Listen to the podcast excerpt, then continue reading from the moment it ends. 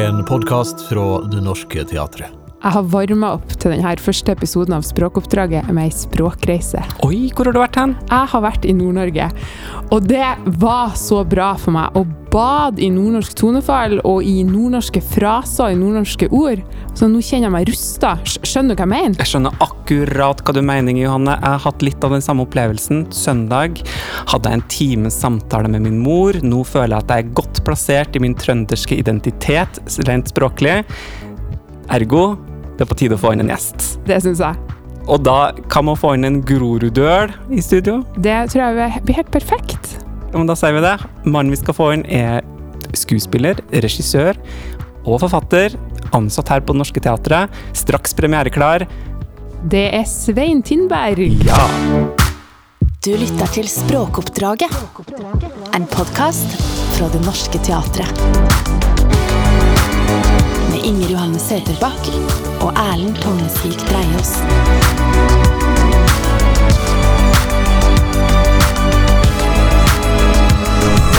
Hjertelig velkommen til språkoppdraget, Svein Tindberg. Takk for det. Du, nå føler jeg vi virkelig tar pulsen på teaterlivet, for du kommer rett fra prøva på din nye forestilling, Gudspartikkelen. Eh, Et nytt samarbeid mellom deg og regissør Kjetil Bang-Hansen. Kan du ikke aller først ta oss med inn i hodet ditt akkurat nå, rett fra prøve, litt over ei uke før premiere? Eh, Det kan jeg si veldig greit. Inni hodet mitt, der vil du ikke være.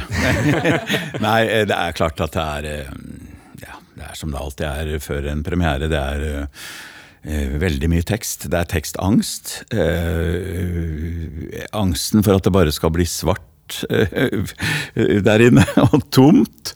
Det er, eh, men det er jo også glede. Det kribler i kroppen. Nå har vi hatt både en pandemi og en streik, og endelig skal jeg få møte publikum.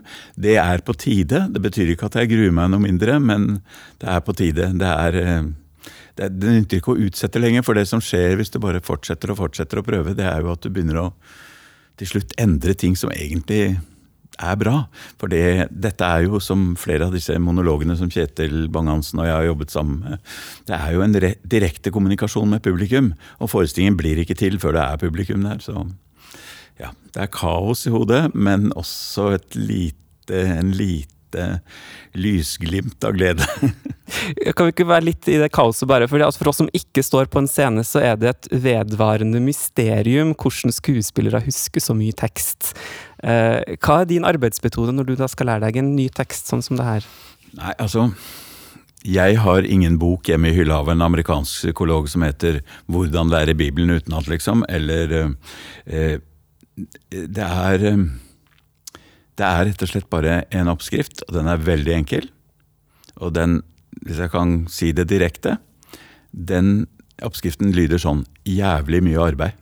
Det er det det er. Det er arbeid, arbeid, arbeid, arbeid. Du begynner forfra på monolog, og, og eh, etter tre timer så husker du knapt altså fire linjer, fem linjer, og dagen etter så husker du dem egentlig ikke. Men det er litt lett å lære utenat. Og så, sånn er det bare. Time på time, dag ut og dag inn, måned etter måned. Men det å lære noe, det er ikke noe vanskelig. Altså, det er bare mye arbeid. Hvem som helst kan gjøre det. Eh, eh, hvem som helst kan lære hele Bibelen utenat, men det tar veldig, veldig lang tid. Men å huske det, det er noe annet. Og det er to helt forskjellige ting. Så det å huske for meg, og det tror jeg det er for Altså, jeg kan ikke bruke alle de fikseteknikkene som du ser i underholdningsprogrammer på TV. eh, menn og kvinner som kan huske eh, veldig, veldig veldig mye ved å se for seg liksom europakart eller kjøkkenet sitt hjemme eller sånt. Jeg kan ikke bruke det til noen ting. Teater er jo å sant kommunisere. Hvis jeg står sammen med en annen skuespiller og har en samtale, mens hodet mitt egentlig er i europakart eller på kjøkkenet, så er den samtalen død. Jeg kan ikke bruke det til noen ting. Men i monolog, altså i samspill, så ligger jo ofte, i hvert fall hvis det er noenlunde, realistisk stoff, så, så, så ligger jo hukommelsen i at det henger sammen med, med det du gjør, og i samspillet. I monologsform så er det også det. Det er kroppen som husker. Det er kroppen som husker. Det er fysikk. Eh, jeg husker på da vi begynte med disse svære tingene, Kjetil og jeg, med Markusevangeliet. Hvis jeg står bak det svarte teppet og skal inn på scenen, og du vet at det er eh, to, to og en halv time med presis bibeltekst foran deg, og du begynner inni hodet ditt med at først kommer det, og så kommer det, og så kommer det, så rekker du ikke alt. Angsten blir bare større og større. Det går ikke. Så du må tvinge deg, eller jeg må, jeg må tvinge meg selv til at det ikke er lov til å gå gjennom teksten rett før forestilling. Det går ikke. Så jeg kan tenke der at det jeg skal gå inn på scenen nå og gjøre, det er å fortelle en bitte liten historie om døperen Johannes. Den er bare ti linjer. Det kan hvem som helst lære. Så går jeg på scenen og så forteller jeg den historien om døperen Johannes. Men idet jeg er ferdig med å fortelle om døperen Johannes, så, så um, setter jeg meg på en stol. Det har kroppen min gjort en million ganger. Det er som å sykle. Og idet jeg setter meg, så kjenner jeg at kroppen er tung, da. Fordi det er den, fordi det har Kjetil og jeg jobba med. Og da sitter jeg litt bebrent, bredbent, og så vet jeg at å ja, dette er kroppen til tolleren Levi som satt der. Og Så forteller jeg den lille historien om tolleren Levi. Den er bare ti linjer, det kan hvem som helst lære utenat. Men på slutten av den historien så løfter venstrearmen min seg og peker. Det har den gjort, det er som å sykle. Og da ser jeg jo på den fingeren å ja, det er fariseerne som står der borte. Så forteller jeg den lille historien om fariseerne. Den er jo bare ti linjer. Det kan jo hvem som helst lære utenat. Og sånn er det. Og I det øyeblikk du holder på midt i fariseerne og tenker på hva kommer etter fariseerne, da kommer angsten. Så det er å stole på å være til stede. Det er forferdelig skummelt, men det er det eneste som går. Og det går ikke alltid. Det høres veldig skummelt ut, ja, det, det å stole på at det her har jeg gjort før, jeg ja, det, bør kunne det, ja. og så bare står du i det. Ja. Eh, men har du, noe, du sa det, har du noen eh, minner om at du har glemt teksten en gang? da? Ja, selvfølgelig. Altså Abrahams barn, som, er, som jo nå har gått her i ti år med med mm, få opphold. altså det har Gått jevnt og trutt i ti år. Det er jo ennå Nå har jeg spilt hva har jeg spilt av det nå? 350 forestillinger. Men det er jo ennå ikke én forestilling hvor det ikke skjer et eller annet. Men det er greit. Du må frata deg selv angsten på at publikum Publikum kaster jo ikke steinen på deg selv om du gjør en feil. Så det er noe med å frigjøre deg fra angsten. altså jeg, jeg, hører at jeg sier veldig fine ting, men det er ikke alltid det går. Sånn er det. Angsten kommer en gang iblant. Det gjør den. Men hvis jeg ber deg om uh, kunne du dratt den, uh, det midtpartiet på gudspartikkelen? Nei, det har jeg ikke sjans til. Nei. Jeg må begynne forfra. Ja. ja jeg må begynne forfra, og jeg er avhengig av fysikken min. Og selv i den roligste monolog hvor det er lite, da, saligprisningene f.eks., hvor det sitt, står helt stille. Så hvis du binder hodet mitt og hendene mine, så husker jeg ikke teksten. For jeg er avhengig av at den, den, ene linja den er litt opp mot høyre, den andre linja er blikket ned. ikke sant? Jeg er avhengig av de bitte små tingene, ellers husker jeg ingenting. Interessant, må jeg si. Ja, fysikken er sterkere. Men hvor mange Du har jo gjort Markusevangeliet, Abrahams barn, du holder på med gudspartikkelen. Mm. Ligger alt det her lagra oppi hodet hele tida? Apostelens gjerninger imellom der også? Ja, ja Nei, det ligger overhodet ikke der. Jeg kan godt uh, gå på en vanlig norsk gudstjeneste jeg, og høre en kjempefin tekst og tenke å, det var en nydelig tekst, og etterpå får jeg høre at den er fra Markusevangeliet. Den har jo spilt 220 ganger, men det kan være borte, altså. Så nei. Det er noe merkelig med det med hukommelse der òg. Ehm, det er sånn at eh, den dagen Altså hvis du vet at denne forestillingen legges bort nå, men den skal kanskje opp gjennom tre måneder, den skal kanskje opp gjennom fire måneder, så ligger det liksom på én disk inni der. Men den dagen du vet at dette er definitivt siste forestilling, så, så er det vekk. Men hjelp det at du har skrevet Du har jo skrevet det her sjøl. Hjelp det på noe vis? Eh, ja, jeg har jo skrevet det selv, og du har oversatt det. Ja, eh, ja det, det, gjør selvfølgelig det, men Hva skal jeg si Det er noe med å flytte det fra en, fra en eh, selvopplevd ting, egne tanker, og flytte det over i form og det er jeg avhengig av. Og Derfor må jeg behandle min egen tekst, eller den teksten som Kjetil og jeg har skrevet sammen nå. Jeg må behandle den like høytidelig som jeg behandler en Tsjekhov-tekst eller en Shakespeare-tekst. Og nå prøver jeg altså ikke å sammenligne, men det er viktig å behandle det på samme måte.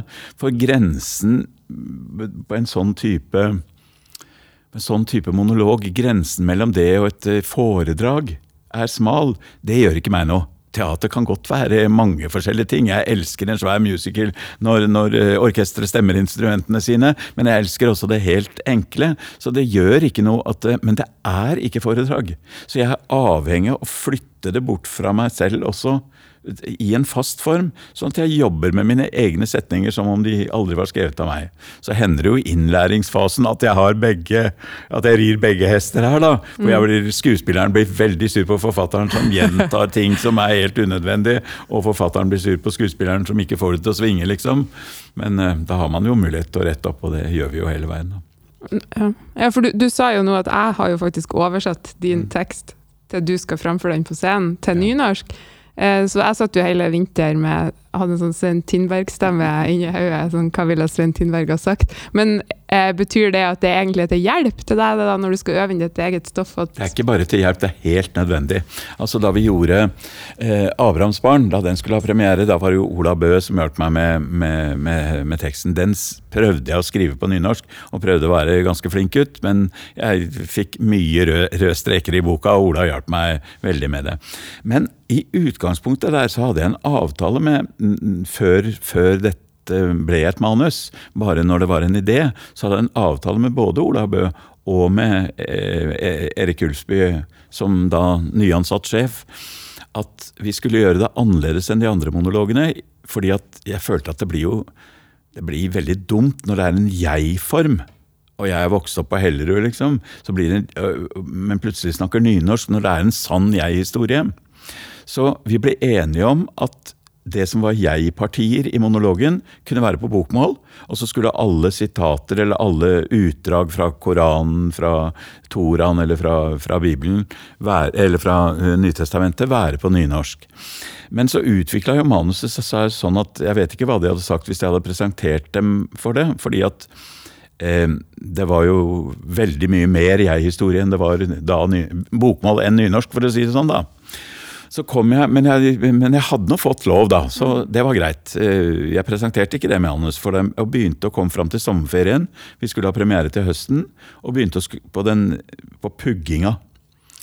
Men da plutselig merka jeg at nei, jeg må det må være nynorsk. Jeg må flytte det bort fra at det ikke spiller noen rolle. Jeg kan si det sånn, eller jeg kan si det sånn, eller jeg kan si det sånn. For så fri er jeg ikke på nynorsk. Jeg kan ikke øh, Så jeg trengte å flytte det over i form. Altså fra fotografi til maleri, på en eller annen måte. Mm. Uh, og det har vært nødvendig, og derfor spurte jeg deg denne gangen også om du mm. kunne tenke deg å gjøre den jobben. Fordi at øh, det er bra for meg å få igjen teksten, og at den er annerledes. Uh, ja. For det tvinger meg til det eksakte arbeidet som jeg ville hatt om det var Shakespeare. ikke sant? Ja, for det var jo interessant når vi jobba med det, for vi satt jo og diskuterte For jeg ville jo gjøre det noen gang enklere for deg enn hva du ville at jeg skulle, i mm. formvalg. Ja. Men, ja, så avstand er en ressurs, egentlig, da? Ja, avstand er helt klart en ressurs for, for å flytte det over fra powerpoint til, til kunst. Da. Mm, sant. Ja, det er jo godt å høre. For det du, du sier jo i gudspartikkelen at uh, nå står vi på kjøkkenet der jeg vokste opp. For du, du er fra Hellerud, men du er jo òg fra Det Norske Teatret. Ja, ja. Det er jo en, det er jo en morsom historie, men det er jo faktisk sant. altså da Pappa var jo scenograf her på huset, eller det som da den gangen het teatermaler. Det er jo ikke bra. Mm. Teatermaler. Eh, og den gangen lå jo Det Norske Teatret i Stortingsgata. Og verkstedene eh, lå her hvor vi, bo, her, hvor vi har teater nå. Så eh, hvis du står utenfor Oslo Nye Teater og ser tvers over gata, med ryggen til Oslo Nye Teater og ser tvers over gata omtrent der hvor sceneinngangen er på Norske Teatret i dag, der inne der var det en stor jernport. Innenfor der var det en, en en, eh, en, stort gårdsrom. Og så var det en, ja, hva skal jeg si for det, en buegang inn til et indre gårdsrom. Men over den buegangen var det to bitte små hybler. Eller to bitte små leiligheter. da. Kjøkken og stue ferdig med det, egentlig. Og uh, Der bodde vaktmesteren i den ene leiligheten, og så bodde mamma og pappa i den andre leiligheten. For pappa jobba inne i bakgården på den gamle malersalen. da. Så jeg er rett og slett født der. Og det vil si monteringshallen på Norsk Teater i dag. Mm. For pappa ble jo senere teknisk sjef, så vi satt med tegningene og kryssa av. Så jeg, jeg venter jo ennå at det skal komme opp en sånn plakett inne i monteringshallen. Svein Tindbergs fødestad. Ja, jeg tror du må bli pensjonist først. Men du, du, du, skal, det er jo sikkert mange som gleder seg til denne gudspartikkelen, ikke for å legge enda mer press på Nei, men jeg håper jo det. Ja, for det er jo mange som har sett Abrahams barn, og du tar jo utgangspunkt i deg og faren din, og at dere ser ned i høl i gata og undres over livet. Kanskje du har lyst til å si litt om hva det er du tar opp i denne forestillinga? Jeg sier jo i starten der at eh, Ja, jeg er gammel.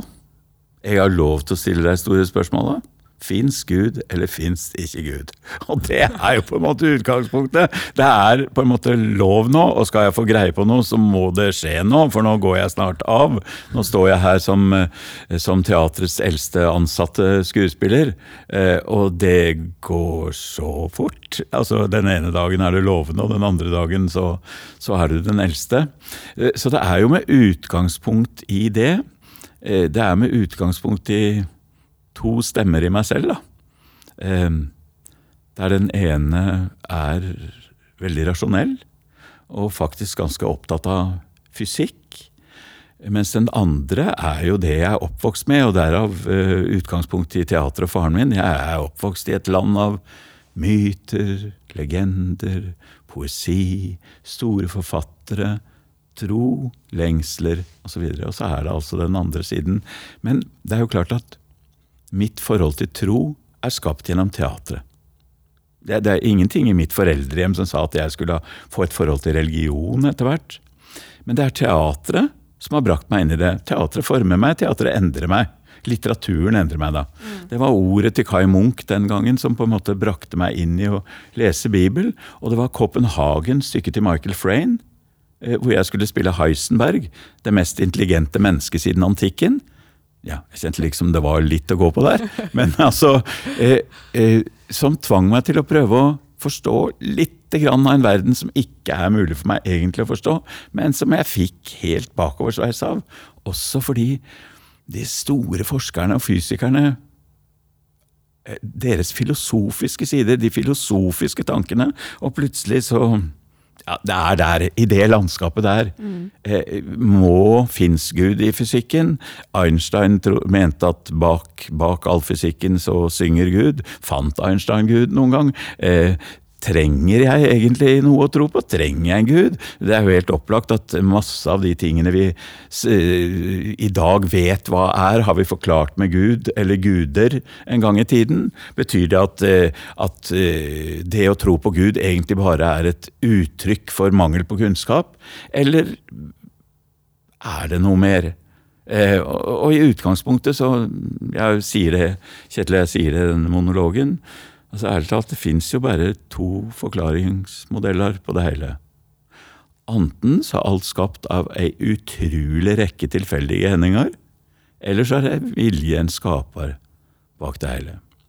Og det er på en måte de to stemmene som er i meg sjøl. Altså det er Hva skal jeg si for noe, da? Der Abrahams barn er en fysisk reise, hvor publikum blir med meg på en reise til Tvedestrand, til, til Jerusalem, til Hebron, med møte med enkeltpersoner som endrer meg og som lærer meg ting, så er denne gangen er det, det er lite. Det er bli med meg på noen indre spørsmål, liksom. Eh, Men jeg Vi gjorde det jo med Abrahams barn. Ta utrolig tjukke, vanskelige bøker og prøve å presentere det lett, litt sjarmerende og litt gøyalt, men, men viktig. Um, Og det er vel det vi prøver nå med forholdet mellom tro og vitenskap, da. Og premiere på den er nå da 10. november. Ja. Eh, Du var inne på det altså med nynorsken, hva det gjør for deg på scenen. Men eh, hvordan kan, vil du beskrive det? Er det, som å, er det som å kle på seg et kostyme og snakke nynorsk når du står på scenen? Eller eh, hvordan er det å stå på en scene og ikke snakke eh, nynorsk? Du som har vært der på Det Norske Teatret i mange år nå. Jo, eh, nei da, altså jeg har jo vært på de fleste teatrene, selv om det er norske teater som har vært mitt hjem bestandig, helt fra barnsben av. Eh, Men, men, eh, men jeg har jo også vært både på Trøndelag og eh, Nationaltheatret, gjesta Sverige og så videre og så videre. Så språk er et verktøy. Eh, Jeg tenker ikke på det som en kostyme, men jeg tenker på Men, jeg har ikke noe sånn Altså, jeg er vokst opp med at teater, kunst, det er, det er på nynorsk. Kunst er på nynorsk. Sånn er det bare. Men jeg er også lei av den, den, den greia med at ja, og nynorsk passer så godt til poesi, det, og, og, og til det vakre, til det lyriske og til sangtekster osv. Jeg mener jo, og det er jo det du og jeg har prøvd å få til sammen, at nynorsk, eh, som du er en representant fra, for, fra før av, men som jeg trenger hjelp til, at nynorsk er et svingende, moderne, kjapt språk. Et lett språk. Det er et godt språk, og det tvinger meg da, som sagt, til å behandle det på en annen måte enn jeg vil, vil eh, hvis jeg ja, sleiver av sted med, med Oslo øst, liksom. Apropos Oslo øst, jeg vet du har eh, Og kjapt og kvikt. Du har eh, også skrevet litt slampoesi sjøl om nettopp eh, ja, ja, Kan du ikke ta den for oss? Jo, det skal jeg gjøre. Altså, jeg er jo fra Hellerud. Så dette er en Hellerud-slam, og nå går jeg over til det breie språket fra Hellerud. Hellerud-slam. Hvor kommer du fra? sa hun. Hun var fin, vi satt på linje fire fra byen. Jeg svarte ikke, så hun spurte Depperud? Kødder du? Jeg sa hvor kommer du fra, gjentok hun. Hellerud. Og du? Skullerud? Jeg bøyde meg fram. Men ville du heller være fra Hellerud, eller skulle du helst ville være fra Skullerud?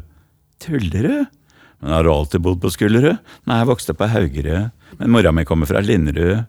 Så fikk meg med en type fra Ellingsrud som stakk av meg fra Trosterud, og så Trosterud er ikke til å tru, nei, gror du opp på Haugerud, så har du ikke tiltro til folk fra Trosterud. Men nå, hvor skal du? Dette er jo ikke banen til Skullerud. Ikke Hellerud heller, man skal på fest på Manglerud. Hva Manglerud? Nei, fest, fest på Manglerud. Og du, passer sneipen til søstera mi på Karlsrud? Sneip? Ammerud? Nei, Karlsrud. Neste stasjon, Manglerud. Å, Ringerud. Hva heter du? Hjerterud. Hun hadde ikke penn, så hun skrev ned nummeret på armen min med tror jeg het eh, lipgloss eller shine, husker du? Men på Manglerud så hølja det ned, skjønner du? Jeg tenkte mye på hun. Traff henne en gang seinere på Ulsrud med en sossetype fra Nadderud, eller var han kanskje fra Madsrud, han ligna for vann på Stumperud. Du ringte aldri, du, hviska hun. Jeg hviska tilbake, regnet hviska talla vekk, det hølja, husker du? Hun slo seg visst ned med han Stumperud på Sollerud, blei skilt og så flytta til Konnerud, som er langt inn i jævla Buskerud, ville heller bodd på fuckings Klemetsrud, ja til og med langt opp på Siggerud. Men han sossetypen fra Madserud flytta videre til Besserud sammen med ei fra Munkerud, dro fra hun og flytta hjem igjen til Madserud, for med sånne typer det bare aner du at for dem er bare Madserud, Madserud. Stakkars Gjerterud på Konnerud. Men ja, knuller du en fra Madsrud når du egentlig kommer fra Skullerud, så burde du grave deg ned på Greverud eller bli begravd på Orderud, for skrekk og gru, da bommer du, skjønner du? Jeg glemte hele den festen på Manglerud, men jeg husker hun, Hjerterud. Men egentlig er det jo det samme hvor folk kommer fra. Vi setter bare én betingelse, at de heier på Vålerenga. Ja, det er min bakgrunn. Kort oppsummert. Betyr det at du har en sånn uh, Groruddøl eh, aktivt, uh, som du bruker aktivt? Mm, Ja, ja da. Altså uh, Mitt dagligspråk er jo Oslo østkant, helt klart. Eh, men eh, jeg bruker også språket til å leke med. Altså, jeg er vokst opp på Hellerud, gikk på Tveita skole. Eh, da Tveita var nyåpna skole, Tveita-senteret ble, brygd. Altså Hellerud jeg bodde på, det er sånn gamle toetasjers hus med eplehage. Men, eh, men, eh, men, eh, men Tveita var jo plutselig en by mens jeg var liten. Men så på videregående så begynte jeg på Nissen pga. teater. Og der møtte jeg jo en helt annen eh, Jeg husker engelsklæreren vår, Mrs. Bråtøy. Veldig fin. Mm, eh, Veldig fin Mrs. Bråtøy. Hun sa en gang hvor jeg, eh, hvor jeg sa Jeg husker ikke hva det var, men hun retta på språket mitt. Så sa jeg jeg må jo få lov å si det, jeg, vil, jeg må få lov å bruke min egen dialekt, jeg òg. Og da så hun på meg ovenfra og ned og sa i ditt tilfelle heter det ikke dialekt, Svein. Det heter sosiolekt. Ja, så det var, det var greit plassert. Men jeg har jo vært Men det Hva skal jeg si for noe? Østkanten ligger lenger bak i munnen. Altså det er større a-er, og, og, og vokalen er større. Det, er, det ligger dypere baki der. Eh, og det, det, gjør det vel hos meg. Altså gjør det vel hos meg, sier jeg mm. naturlig. Men det er jo ikke noe problem for meg å stille om noe, da, og det må man jo i en del tilfeller. Men har du brukt eh, Altså, du, du, tilhører jo den eldste generasjonen skuespillere på teatret nå, og det har jo vært ulike regimer for nynorskbruken her. Ja. Eh, har du noen gang tatt den eh, Oslo øst-dialekta inn i arbeidet med nynorsk? Nei, jeg tror kanskje ikke egentlig det. Nei, det, jo, det er jo riktig som du sier, at vi, eh, når du nevnte i stad at i arbeidet med gudspartikkelen mellom deg og meg nå, så har det vel vært eh, ganger hvor du holder på med mer moderne nynorsk enn det jeg gjør. Men det er jo ikke bare fordi altså det, har jo med, eh, det er jo ikke bare et bevisst valg, det har jo med generasjoner å gjøre, så klart. Mm. For jeg er mye eldre enn deg. Og du har helt rett i at da jeg begynte på Norsk Teater, så var det et veldig strengt nynorskregime her, bygget på, på, på Telemark som norm, og med svært strenge språkkonsulenter. Leif Mele som sa det heter ikke olje, det heter olje. Og, og, sånn. Jeg husker vi, Det ble revolusjon ved et eller annet leseprøvebord en gang, hvor alle ropte nei, men det går ikke an å si olje, olje, olje. Og da ble han det eneste gangen jeg har sett den lille mannen sint. Da ble han helt rød i ansiktet. Og så skjønte vi da etterpå at han tok visst doktorgraden sin han på ordet olje. Så, så Det var i hvert fall ikke langt fra, men han var i hvert fall der tråkka vi over streken. Så jeg har nok eh, altså eh, Hukser, hukser, ikke sant. Mm. Eh, og vi har jo hatt flere sånne steder hvor jeg, jeg, klarer det ikke, rett og slett. For jeg har levd med det så lenge. Ja, for jeg husker jeg sa til deg på en gjennomgang på de stoffene at du trenger ikke å si jarte, sa jeg. Hjarte, ja. Hjarte. Ja, den R-en der. Ja. Mm. Altså, du kan si hjarte, men ja. det hadde jo ikke Nei, min forgjenger. Nei, det går ikke. Nei. Uh, vi skal ha et litt uh, temaskifte. Uh, veldig mange av dem som hører på nå, tenker nok at den stemmen din, Svein, den er kjent. Enten har man vokst opp med den, eller så har man hørt den surre og gå i bakgrunnen når ungene er plassert foran TV-en.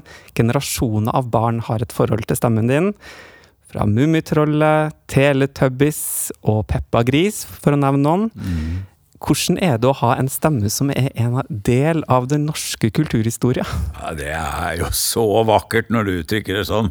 Jeg har så forhold til stemme selv. Jeg har så forhold til stemme fra min egen barndom. Varme stemmer, snille stemmer, eh, skumle stemmer osv. Og, så og at jeg nå er en av de som folk forbinder noe med stemmen til, det er jo fantastisk. Um, så det hender jo ofte at, um, at folk uh, sier hvor, hvor, har jeg deg fra?' Og jeg skjønner at det er stemmen. Uh, det er ikke så rart du kjenner en stemme når du sitter hver dag med en fireåring og en treåring på fanget og ser på, ser på Peppa Gris, at du, at du plutselig kjenner den. I dag skal Peppa ut og leke med Georg. Georg og Peppa skal i Ikke sant? Altså, så det er du, du, forbinder en slags Eller mange forbinder en slags trygghet med det, da, og det er jo kjempehyggelig. Ja, det er lyden av barndom ja, for veldig, veldig mange. Ja, søndag klokka seks, tror jeg. Altså, Barne-TV på søndager var jo ja. Mummi. Ja, Mummitroll. Så da var du lukta koteletter, ja. stemmen til Svein Tindberg. ja, det er fint. Det er kjempefint. Eh, helt avslutningsvis, du er jo en ekstremt produktiv mann, Svein. Både skuespiller, forfatter, regissør. Du som har jobba med så mange tekster, som du både har skrevet sjøl og som er skrevet av andre. Har du et favorittord? Oh, et favorittord altså, Hvis jeg skal være helt ærlig hva favorittordet mitt er i dag, så tror jeg ordet må være barnebarn, rett og slett. Barnebarn? Altså, ja, jeg har så enormt glede av de barnebarna at, eh, at, jeg kjenner at det å bli gammel nå, at det går mot eh, slutten av et langt liv i teatret, det er grusomt på den ene siden, men så er det det ordet barnebarn som er eh, forlokkende. Så akkurat nå er, tror jeg det må være det som er det varmeste, nærmeste, næreste ordet for meg. Det var en kjempefin avslutning på den samtalen. Tweet vi med premieren på Gudspartikkelen 10.11. Mm, det svarer jeg ikke på. Mm, jeg bare nikker. Mm. Takk for besøket, Svein Tindberg. Bli med i samtalen. Send inn dine spørsmål og kommentarer til Sprakoppdraget krøllalfa denorsketeatret.no. Produsent er Ole Herman Andersen. Flere podkaster fra Det Norske Teatret finner du i podkastappen din.